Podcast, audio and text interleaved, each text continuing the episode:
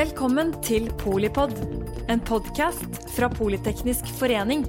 Et kunnskapsbasert medlemsnettverk for bærekraftig teknologi og samfunnsutvikling. I fjor var det akkurat 250 år siden Hans Nilsen Hauge ble født. Han er vel mest kjent for å være grunnleggeren av haugianerne, den kristne bevegelsen på 1800-tallet. Ikke like kjent er han kanskje for å være næringslivsleder. Hva kan vi egentlig lære av Hans Nilsen Hauge i dag? I dag så har jeg besøk av Jørn Bu Olsen. Han er utdannet sivilingeniør ved NTNU og jobber nå som rådgiver i ledelse og næringslivsetikk. Og Leif Runar Forst. Han er utdannet sivilingeniør ved NTNU og jobber nå som lederfilosof. Mitt navn er Elise Antonissen, og jeg er programsjef i Politeknisk forening. Eh, dere to har jo skrevet en eh, bok om Hans Nilsen Hauge som heter Et liv i lys og mørke, en dramatisert biografi om gåten Hans Nilsen Hauge. Vil dere først fortelle litt eh, om Hans Nilsen Hauge, og hvorfor dere ville skrive en bok om akkurat han? Ja, jeg ble jo kjent med Hauge som bedriftsetablerer. Jeg hadde lært på skolen at han var predikant. Men så hørte jeg en som heter Guttorm Fløystad, humanetiker, idéhistoriker, som spurte på et seminar her hvem er Norges største bedriftsetablerer og gründer. Og svaret var Hauge. Ja. Og fikk lære at han hadde startet mer enn 100 bedrifter, finansiert eller startet han sjøl 30, men vært med på å starte og få i gang finansiere 100-150 bedrifter. Og dette var jo da i begynnelsen av den forrige industrielle revolusjon. Og det som var budskapet den gangen, som vi har tatt til oss, er at vi trenger en tilsvarende utvikling i dag. Det er bakgrunnen for at jeg er så interessert i Hauge. Vi skal jo tilbake til begynnelsen av 1800-tallet. Denne eh, bedriftsetablereren og entreprenøren og finansmannen som vi kan snakke om etter hvert. Men mm. min eh, start på den store interessen med denne entreprenøren, det var da jeg skulle skrive en doktorgrad om ledelse og etikk. Eh, jeg skrev om etiske dilemmaer for ledere i konkurranseutsatt virksomhet.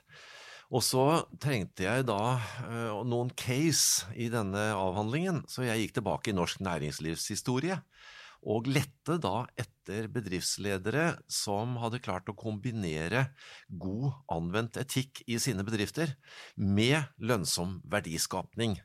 Og hva er det vi søker etter, han har sagt? Jeg fant jo flere, men jeg stoppa opp ved denne merkelige mannen Hauge, som jeg bare så vidt hadde hørt, hørt om, blant annet fra Guttorm Fløystad, som Leif Runar sier. Men eh, jeg fant jo ut at jøye meg, denne mannen her, han eh, hadde jo klart å gjøre det i sine bedrifter som vi streber etter i dag. Og dette er altså på begynnelsen av 1800-tallet. Å kombinere god etikk med lønnsom verdiskapning, som vi jo uh, jobber med. Ja, for hva sto det egentlig i de uh, skriftene som dere begynte å lese på? Ja, jeg eh, begynte også å lese en del om Hauge. Mm. Og det var jo mest eh, at han var en predikant. Og de kristne har jo selvsagt trykket han til sitt bryst. Han var jo gründeren for så vidt av den kristne frikirker og sånn i Norge. Mm. Men det som var ukjent for meg da jeg begynte å lese hans egne bøker, andre skrifter, var jo det sterke engasjementet han var, hadde for å hjelpe mennesker. Som han sa, det var viktigere å få mat enn å få en preken. Mm. Eh, og han så jo, det var jo enormt klassesamfunn. Det var mye nød og sult og sykdom. Mye forandring på kort tid. Ja, og, og da så Hauge at det er det behov for. Å gjøre noe med det. Og så så han mer eller mindre tilfeldig, han var åpen, prøvde å lære seg ting. Så så han at det her er det muligheter som ikke brukes. Både liksom lage f.eks. trykkerier, spinnerier, alt mulig av bedrifter. Og det er mennesker som ikke får utfallet seg å bruke seg sjøl. Så det, det, var jo det han satte i gang, en massebevegelse, hvor folk fra laveste del, husmennssønner og døtre, kunne slå seg opp altså med hjelp og i et fellesskap og bygge opp et ny norsk industri og næringsliv. Mm. Og så Før vi gikk på lufta, så snakket dere litt om at han eh, skapte det fellesskapet og hjalp eh, studenter, eh, blant annet, å starte egne bedrifter. Er det noen av de bedriftene som vi kan se i dag? Ja, altså Det som mange kjenner til, på godt og vondt, det er jo Møllers tran. Mm. Og Møller, som begynte å lage den tran og sånn, dette var sønnen til en av de haugianerne som var sammen med Hauge. Og han unge Møller ble jo med i dette her, og Hauge var med å finansiere hans utdannelse. Og det gjorde veldig mange, var veldig flinke til å finne unge kvinner og menn som enten ble påkosta utdannelse, eller ble sendt rundt omkring i lære. Så det var, det var også noe helt nytt. Det var jo et sånt standssamfunn at du skulle være der, der du ble født. Mm. Mens Hauge slo i, si, i stykker den myten der. Vi har jo en masse eksempler på bedrifter som ble startet på Hauges tid, altså begynnelsen av 1800-tallet, eh, og og Møller Strand er en av de. Mange har jo ulltrøye fra Devold, blant annet. Og det var Mm. også et sånn eksempel på en sånn bedrift. Men vi har jo masse bedrifter som, eh, vi, som lever i dag. Og hvis vi snakker om bærekraft eh, i, i den forstand, så har de i hvert fall hatt en bærekraft til å leve i mange generasjoner og er fortsatt aktive. Mm. Så der har vi jo masse eksempler. Og det eh, bruker vi jo i undervisning og foredrag og sånn når vi eh, ja, presenterer dette stoffet for, for eh, forskjellige forsamlinger. Ja. Jeg står det på Devold eksempel at det ble grunnlagt på den tida, eller? Det er jo eh, utvikling av bedriftene fra den tida til, til i dag. En del har jo, har jo gått til utlandet og produserer i utlandet, og noen Mm. av de gjør jo det. Men de har jo sitt hovedsete her i Norge. Mm. Så det er jo så jeg, eh, de er nok ikke så bevisste, de som eier f.eks. Devold-bedriften i dag, når jeg har eh, utfordret de til å Hvor mye kan dere om historien deres? Så er det litt sånn blanda. Det, det er nok det. Og så har jeg hørt at det er noen møbelfabrikker som han eh, har vært involvert i også. Ja, altså mange av de er jo i miljøet, Hauge-miljøet. Det var ikke Hauge direkte som starta det. Men det ble jo en sånn gründerånd som lever helt opp til i dag. Mm. Og det er jo gjort Grytten og disse folka der som driver og forsker på det, finner jo ut at jeg ser hva slags bakgrunn har en del bedrifter. Da fant vi at 50-60-70% av smårederier, eh, skipsverft, møbelbedrifter og sånn, Mm. kan finne røtter tilbake til haugianerne. Så det, det, fremdeles så henger dette her holdningen igjen, og muligheten til å gjøre det. Mm. Eh, om de sjøl regner seg som haugianer, en del av de gjør det, men andre gjør ikke det. De har bare de har skapt et miljø som går utover den indre jeg kjerne av kristne haugianere. Mm. Det er jo gjort noen undersøkelser på Handelshøyskolen eh, om akkurat det hvor mange Om vi kan f føre eh, tradisjonene tilbake til haugianerne av bedrifter. Og, og på Søre Sunnmøre så regner man med at 80% av dagens rederier eh, og verft kan føres tilbake til eh, haugianerne. Mm. Og Og, det er vel vel om- ikke kjent i det hele tatt. Det er veldig lite kjent. Mm. Eh, og i Ålesund så snakker man om 70% av fiskebruk og rederier eh, føres tilbake til haugianerne. Sykkylven 60 av 66 møbelbedrifter. Det, mange, det er jo mange møbelbedrifter på, i området der, Mm. men kan føres da tilbake til eh, haugianerne.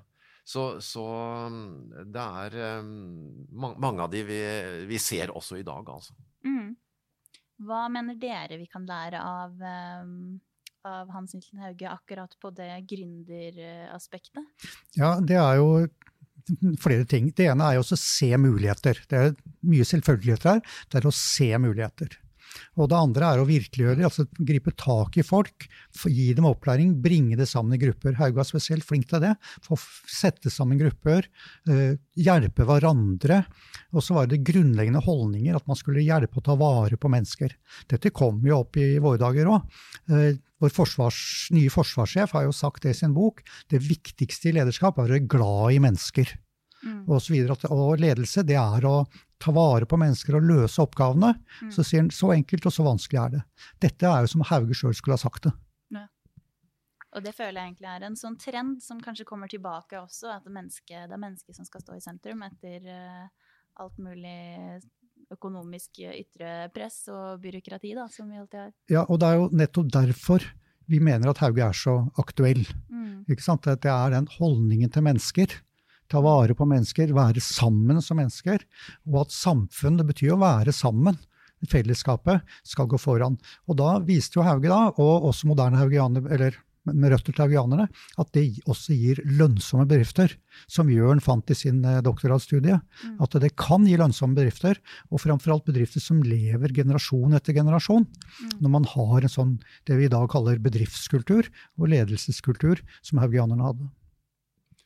Han gikk jo foran, som jeg sa, med etikk, eh, og anvendt etikk, da. Ikke bare å snakke om det, og teoretisk etikk. Og, men han viste jo i praksis eh, hvordan eh, dette her med eh, å ta vare på samfunnsansvaret, eller hvordan forvalte samfunnsansvaret i haugianske bedriftene. Eh, og det er jo det som også er eh, noe, av grunnen til at jeg ble veldig interessert i dette, i og med at jeg underviser også i næringslivsetikk og sånn på diverse høyskoler og universitet. Eh, Men eh, jeg snakker jo om at eh, han tok da samfunnsansvar i sine bedrifter, altså haugianerne, 150 år før amerikanerne fant opp, i anførsel, Corporate Social Responsibility Mm. i en artikkel, amerikansk artikkel i, i, i 1953. Og det er altså 150 år før, eh, eller etter vår egen Hans Hilsen Hauge eh, gjorde dette i Mm. sine egne virksomheter. Og, og ikke bare snakket om det, men gjorde det. Og Mm. her er også interessant å, å høre og lese om hvordan han, eh, han, hvordan han sa det selv. Altså, våre handlinger skal lyse, sa han i kortformen da. Ja. Våre handlinger skal lyse. Mm. Altså, du skal se hva vi gjør, ikke bare hva vi sier. Nei. Så om amerikanerne begynte å snakke om dette her 150 år etterpå, så kan vi vel si at eh, det å ta vare på samfunnsansvaret for fullt i dag, det er jo heller ikke gjennomført. Men det er jo, vi er kommet mye lenger, for all del. Mm. Men altså, Hauge gjorde dette så, på så, for så lenge siden. Så det er jo litt Ja, artig for oss i Norge å tenke på. Mm. Og det, det gikk jo sånn på å ta vare på mennesker òg. Folk som var funksjonshemmet, altså fysisk funksjonshemma, eller det som de kalte fåvettige, altså psykisk, og eldre som var si, dårlige til å jobbe, de tok sånne inn i bedriftene. Det er et eksempel at Hauge var oppe i landet et eller annet sted, fant en ung gutt ja, som levde ganske ille, og fikk en inn på en av bedriftene. Og da fikk de jo tilpassa arbeidsoppgaver. Så han hadde det at alle skulle kunne brukes, alle skulle med. Og det er klart at de hadde mange mange andre, men det ga jo også en trygghet for alle. Det er ikke sånn at liksom når du ikke kan fungere lenger, ikke er så produktiv, så blir du kasta ut. Nei, du blir tatt vare på, du er en del av fellesskapet. Mm. Eh, Et eksempel eh, når det gjelder samfunnsansvar, det er jo, det er jo eh, Eiker papirmølle utafor Drammen var jo en av disse bedriftene som ble danna på den tida. Og der, eh, der sier jo vi da at eh, haugianerne trengte ingen arbeidsmiljølov for å ta dette samfunnsansvaret, da. Og eh, som vi har skrevet et par steder, de ga arbeid til fattigfolket. Ved Eiker papirmølle ved Drammen ga broren Mikkel, Mikkel Hauge, arbeid til i tillegg til sterke arbeidsføre menn, som det står, også dem som var forbundne med alderdomssvakhet, og noen var vannføre og fåvettige. Mm. Og det er jo, Sånne formuleringer er jo litt artig å lese, da, Ja, ja, ja. historiske. Men altså fåvettige, altså sånn uh, funksjonshemma, ikke sant. Mm. Så gir de altså arbeid til dem. Og Ja. til og med arbeid til kvinner! Ikke sant? Mm, for Så- det er også noe jeg skulle spørre om, for dere skriver jo også om hans uh, veldig mange roller Ja. eh, i den boka. Og der står det jo blant annet feminist. Hva legger dere i det? Ja, eh, Det som jeg legger i det, var jo det at Hauge var ikke feminist på den måten at han skulle hjelpe kvinner eller frigjøre kvinner. Nei, han mente at kvinner var like gode som menn. Det var liksom greiene. Mm. Og når de da skulle ha folk f.eks. å starte en ny bedrift, lede en bedrift, eller disse menighetene eller gruppene de hadde, så skulle det være den best egna. Og da fant han jo ut, ganske enkelt, at det var like ofte kvinner som menn. Mm. Så det var den måten det gikk på. Mm. å begynne med, Når han startet med det, så var det jo de som reagerte. For det var jo en del sånn, ja, hadde den gamle tolkningen av kristendommen da, eh, om kvinner og sånt noe. Så han ble kritisert, men han sto på og sørget for det ble sånn. Et eksempel er jo at de kom og spurte, det var en dame da, eh, om, som begynte å predike og sto på og gjorde det, eh, kunne de tillate det? Så spør Haugen og sånt, ja, er hun flink? Ja. Ja, det er hun. Ja, er, Har hun gode holdninger og sånt noe? Ja, det har hun også. Så sier Haugen sånn, ja, da er det ingen grunn til å ikke slippe hun til, hun kan bare stå på. Mm. Så det så vi gjennomgående, at Hauge gjorde det. Mm. Eh, Og også som eh, predikanter rundt omkring. Eh, også på Haug, ute på Mølla, på Papermill, så var det også en kvinne da som, som var en av hovedlederne der. Så det så vi igjen og igjen og igjen. Men så når Hauge døde, så slo de tilbake. Og, og da falt det vekk igjen. Noen år, tiår etter Hauge var død, Mm. så ble ikke det opprettholdt. Ble, Selv i det, selv i det haugianske miljøet, for at da ble det jo også mer sånn gammelpietistisk. Hauge var jo en lys kristendom, ble kritisert for å fleipe og tulle for mye. Eh, Men det var jo masse forskjellige merkelige oppfatninger, og en del av de miljøene ble jo sånn gammelpietistisk, eh, hvorav kvinner skulle tale, ikke tale i forsamling osv. Så, så, videre. så det falt vekk igjen. Men Hauge var en stor eh, pioner i kvinnesak på den måten. Men som sagt, ikke fordi at han mente nå skulle hjelpe kvinner, men han mente at kvinner og menn var like. Men det er klart, det var jo diskutert en del det som Leif Runar sier. altså eh, eh, eh, Menn kom til Hauge for å spørre om denne kvinnen, da. Eh, Var dette riktig at denne kvinnen reiste rundt? Og hun het for øvrig Sara Ost, og var fra Vinglen i Nord-Østerdalen. Eh, og da, da disse eldre gikk til Hauge for å høre, om, høre hans råd, da, hva skulle de gjøre med denne kvinnen? Og hun var ung òg, vet du, som reiste rundt. Eh, altså før altså slutten av tenåra, han har sagt. Ja. Og hun reiste jo rundt etter hvert i fem år, og, og var jo en av De snakker om kanskje en tredjedel av lekpredikantene var kvinner. Eh, og det er jo helt eksepsjonelt, ikke sant? Mm. Eh, og eh, når Hauge da skjønte etter hvert at han måtte organisere haugianerbevegelsen noe mer enn den rene bevegelsen for det var jo ikke noen organisasjon med liksom sånn topptungt osv. Det var jo bare Hauge som sprang rundt i hele Norge og gikk rundt da, Ja, og satte i gang ting og dro videre. Eh, Men, men altså, det utvikla seg jo miljøer, og de tolka jo litt eh, disse ideene litt forskjellig. Mm. Naturlig nok over hele landet, når det ble så mange av de. Så de, de mm, ja, utvikla seg jo litt i forskjellige retninger. Og det Mm. ble jo en liten utfordring for Hauge etter hvert i, i sine, sine eldre dager. Hvordan, hvordan skulle han følge opp disse og veilede disse forskjellige gruppene, som flippa ut i litt forskjellige retninger. Og Mm. noen ble mer pietistisk og mørk kristne igjen, og andre ble lysekristne og, og det der der. Mm. Eh, Men hun Sara Ost, da, eh, hun, ikke bare var hun, eh, var hun eh, lekpredikant, men når de skulle starte opp igjen gruva i, i Vinglen, som Røros koppeverk hadde hatt eh, da i drift, som ble lagt ned, så starta en del haugianere opp igjen da denne gruva. Og hvem er de valgte som gruvesjef? Jo, det var jo Sara Ost. Ja. Så også i næringslivet, ikke sant. Ja. Så, så mm, Men det er jo det er dette, det som er viktig her også, da. At han ikke kun sto for eh, likestilling på den religiøse siden, men ikke minst på næringslivssiden. Mm. For det er jo det man mangla på den tiden. Og hun, han skjønte jo at dyktige kvinner også var dyktige i næringslivet. ikke sant? For eksempel gruvesjef. Det er helt utenkelig. Det er jo selv vanskelig i dag for Mm. en del eldre mannfolk å tenke seg en kvinnelig gruvesjef som går ned i gruva, liksom. Men uh, hun var dyktig, ikke sant? og det så de, og det, så det fungerte jo. Mm. Men hvor har alt dette stått, da? Ja, altså det, Vi har jo kilder, og hovedkilden vår har jo i grunnen vært Hauges egne skrifter. Mm. For der blir jo, Han skriver om det, og en enorm brevveksling etter hvert mellom disse vennene, som de kalte seg. Eh, Og der står jo, det er jo drøfta mange av disse tingene. Og det står f.eks. at nå skal vi gjøre det der. Er det noen som kan bidra med penger til å kjøpe dette her og få dette i gang? Er det noen som kjenner igjen noen vi kan bruke her? Og dette eksempelet med den gruven, det var også masse eksempler. At det var bedrifter som lå, lå nede, f.eks. et teglverk de ikke fikk til å gå. Og så overtok eh, haugianerne dette og fikk det til å gå.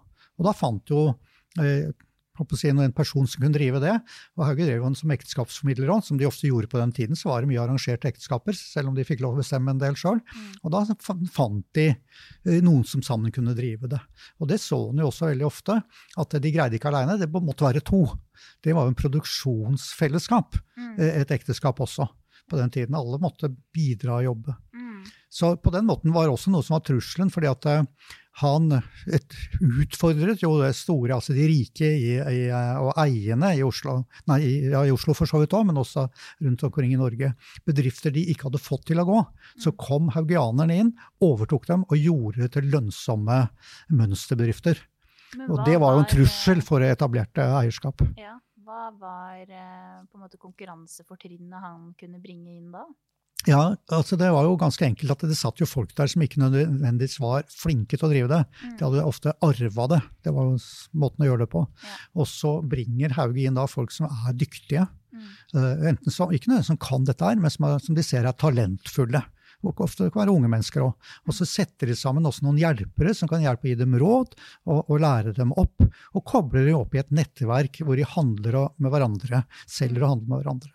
Og da kjøpte de også en del store gods da, som eh, de tidligere ikke hadde greid å drive, og fikk de opp å gå. Og det var jo en voldsom utfordring. Eh, at liksom en husmannsdatter og sønn kunne overta noen av de store godsene og begynne å drive disse. Og mm. også at bedrifter og sånn. Så de, de, konkurrerte dem ut, at de var dyktigere. Eh, de hadde en høyere moral, høyere, de jobba mer. Og de, de hjalp hverandre. og klart at de delte ut. altså De kunne jo komme til de haugianerbedriftene og få mat og ofte arbeid. Mm. For de satte de også, lot ikke folk bare komme og tigge. Men de satte ok, du får jobbe for maten, og det kan du gjøre her. Uansett hvor lite eller mye du kan gjøre. Ja. Du spurte uh, som et godt spørsmål hva var konkurransefortrinnet til haugianerne. Eh, jeg har jobba en del med sånn verdier, da. Og eh, nå er det jo veldig inn i ja, det siste tiåret, eller to siste tiåra, at virksomheter skal utmeisle sine egne verdier. Mm. Og, og liksom, hva, hvilke verdier skal vi la oss styre av? Og legg merke til formuleringen. Eh, og, og, vi har også gjort en jobb når det gjelder uh, haugianerne. Hvilke verdier var det som styrte dem i næringslivet? Mm. Eh, og når vi snakker om konkurransefortrinn, så er det helt klart Det er flere, men i hvert fall en sånn hovedverdi kan sies å være tillit. Altså mm. hvor verdifull verdien tillit er, er et veldig interessant spørsmål. Og det kan vi se på i dag òg.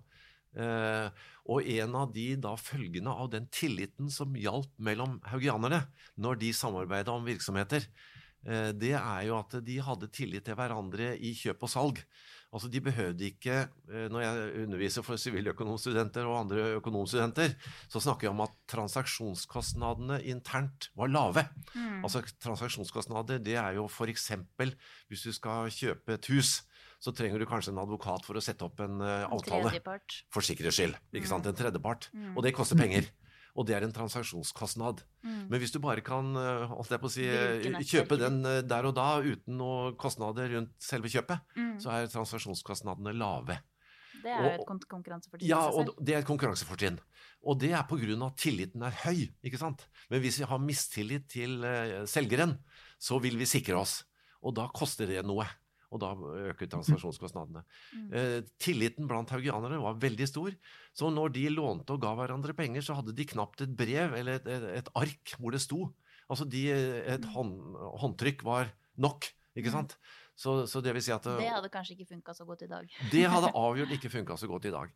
Og det er jo veldig mange interessante diskusjoner rundt akkurat begrepet og, og verdien tillit. Mm. Og, og, og, vi kan jo se i nasjonale og internasjonale markeder og det har jo vært gjort eh, undersøkelser og, og, og eh, sånn på hvor mye koster altså transaksjonskostnader rundt omkring i forskjellige markeder i verden. Mm. Og det er bl.a. en artikkel, amerikansk artikkel som, som, eh, beskrev da tillitsnivå i russisk, og jeg vil nesten si amerikansk næringsliv, kontra det skandinaviske.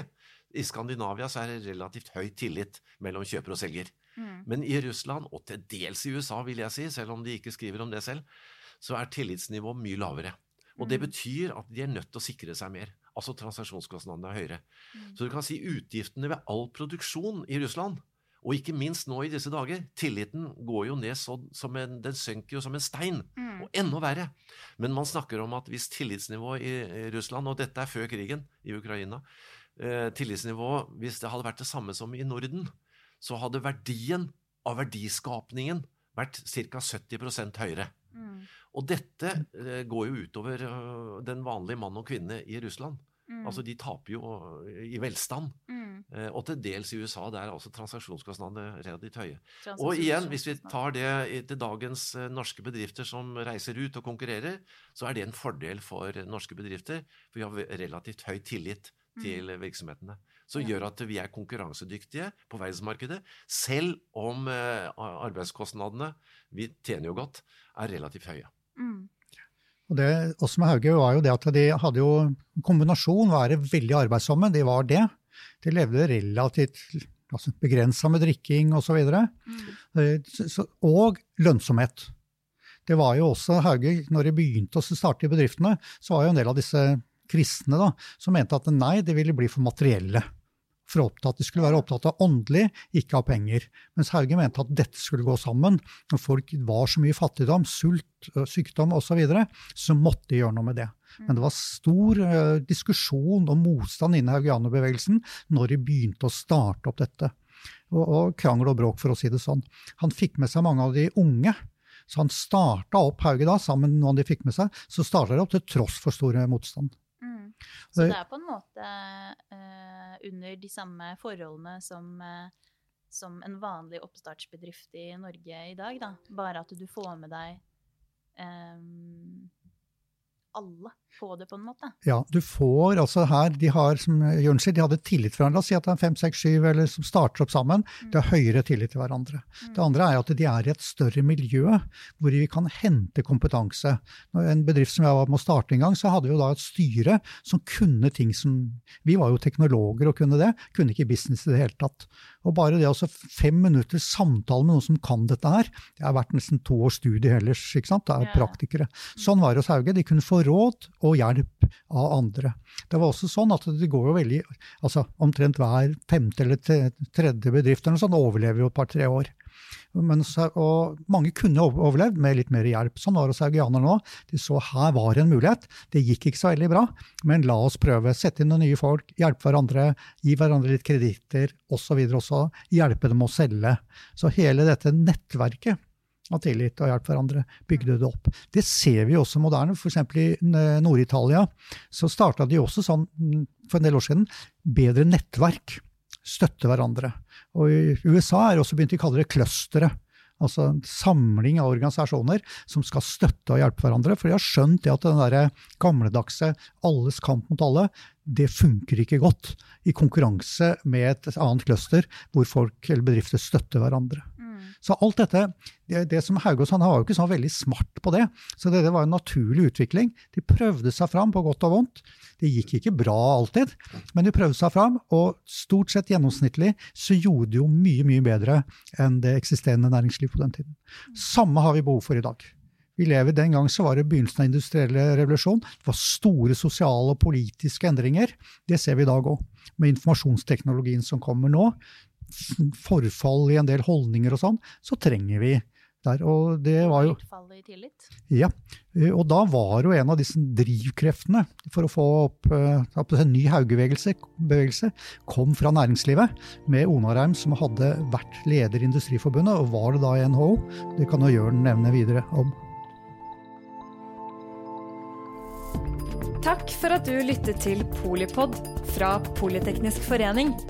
Få med deg flere episoder, eller bli med på nettverksmøtene som du finner på at polyteknisk.